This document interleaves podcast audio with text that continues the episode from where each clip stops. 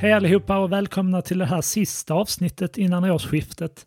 Och idag ska jag bjuda på några tips för hur du kan skapa content utan att behöva skriva en blogg. Jag tycker emellertid att om ditt företag har resurserna så bör ni ha en företagsblogg. Det är en bra resurs i synnerhet utifrån att skapa material som blir indexerat hos Google. Så att ni helt enkelt över en längre period successivt kan ackumulera mer organisk söktrafik.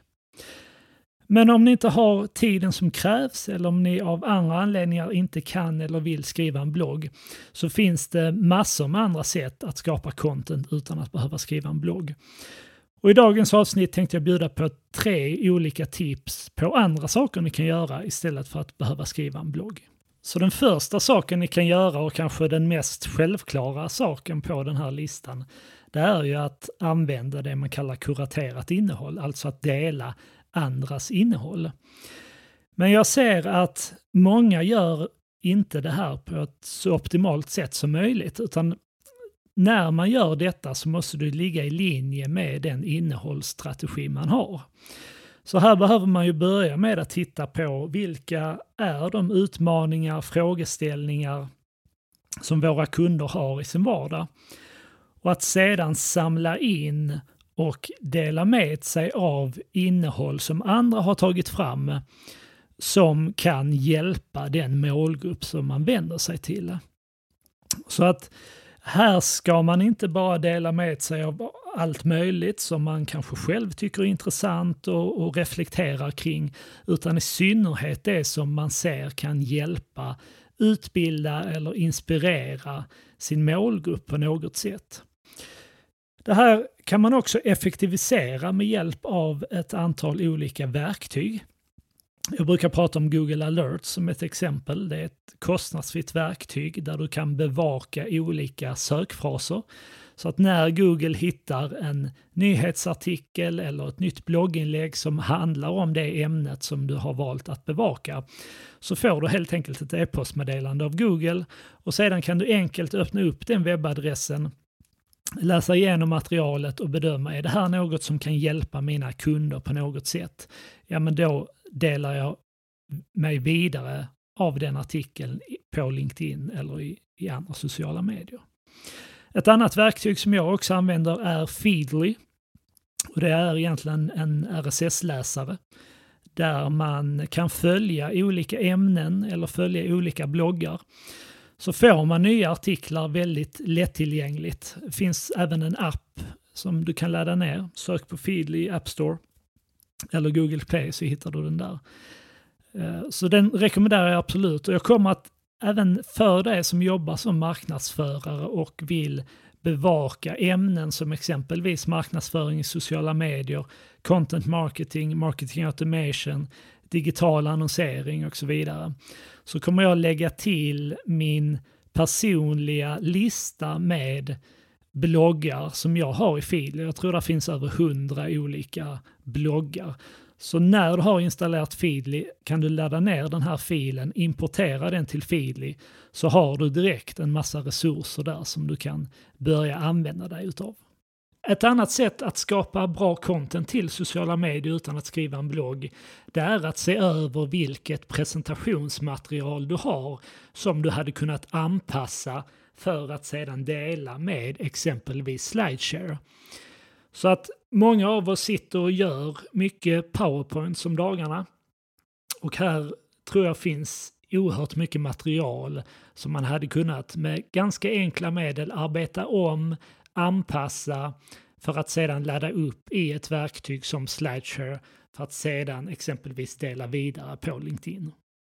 Ett annat sätt som jag tycker är intressant att arbeta med vad gäller powerpoints eller pdf-er, det är att använda LinkedIns möjlighet för att kunna ladda upp pdf-er och powerpoints direkt i flödet. Det som många gör här och som jag även tänker börja göra mer utav framöver, det är att skapa lite kortare powerpoints med väldigt konkreta tips och råd som låter personer scrolla igenom eller bläddra igenom de här presentationerna direkt i sitt flöde på LinkedIn och därigenom få korta konkreta tips som de kan ta till sig utan att de behöver klicka sig vidare till en blogg eller klicka sig vidare till en annan webbplats. Så testa gärna det formatet. Gör presentationsmaterial i PowerPoint eller skapa pdf-er. Använd LinkedIns möjlighet att ladda upp de här direkt i flödet till dina kunder. Ett tredje sätt att Eh, skapa bra content utan en blogg och det här är också något som jag kommer att börja göra allt mer under det här året och det är att mikroblogga i sociala medier. Så om du tittar på exempelvis Instagram och Facebook så har du där möjlighet att skriva ganska omfattande inlägg. Men istället då för att skriva långa artiklar som du publicerar på din hemsida så kan du skriva kortare inlägg eh, men fortfarande tillräckligt omfattande för att de ska skapa tillräckligt med värde för kunden genom att kunden bara behöver läsa själva inlägget.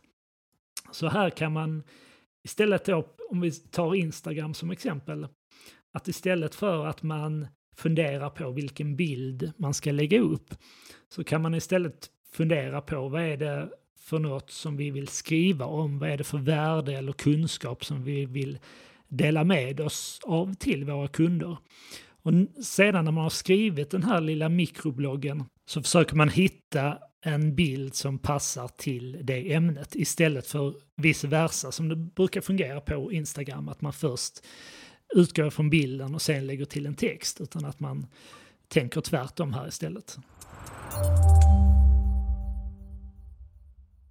Så för att sammanfatta lite så pratade jag inledningsvis om kuraterat innehåll, alltså att se dig själv som en resurs för dina kunder i sociala medier där det blir din och ditt företags uppgift att samla in innehåll som är relevant och användbart för just era kunder.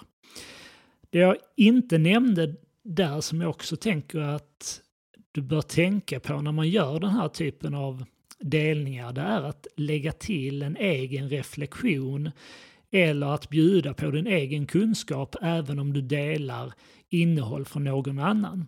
Så vidarebefordra inte bara det som materialet som du har hittat utan lägg till en personlig reflektion. Det kanske finns någon kunskap som du har som inte nämns i artikeln som du länkar till som du kan bjuda på. Och på så sätt exponera och visa din kunskap om de ämnena som är intressanta för dina kunder. Jag pratade också om att eh, använda det presentationsmaterial som finns i er verksamhet. Se över om det går att arbeta om för att kommuniceras via exempelvis ett verktyg som Slideshare. Jag tror även eh, den typen av möjligheter som finns på LinkedIn, att ladda upp pdf och powerpoint-material direkt i flödet kommer att eh, bli allt mer populärt.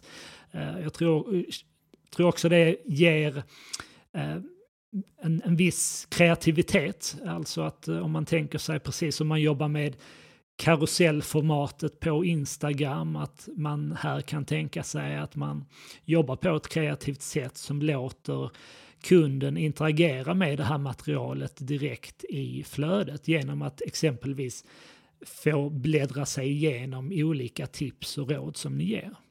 Och sen pratar jag då också om att mikroblogga i sociala medier, exempelvis på Instagram, att då istället för att utgå ifrån en bild så utgår ni från en text. Ni skriver färdigt den här texten i form av en mikroblogg direkt i er caption.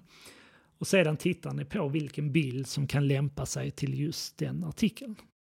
Så det här var ju bara några sätt som du kan eh, skapa content utan att behöva skriva en blogg. Det finns ju naturligtvis massor med andra sätt så jag får säkert anledning att återkomma till det här ämnet i den här podden någon gång framöver. Tills dess så vill jag önska dig lycka till. Du hittar som vanligt mer tips och inspiration på nivide.se blogg. Jag kommer att lägga till relevanta länkar i anslutning till det här avsnittet. Så med det sagt så vill jag önska dig lycka till och så hörs vi här snart igen. Ha det bra!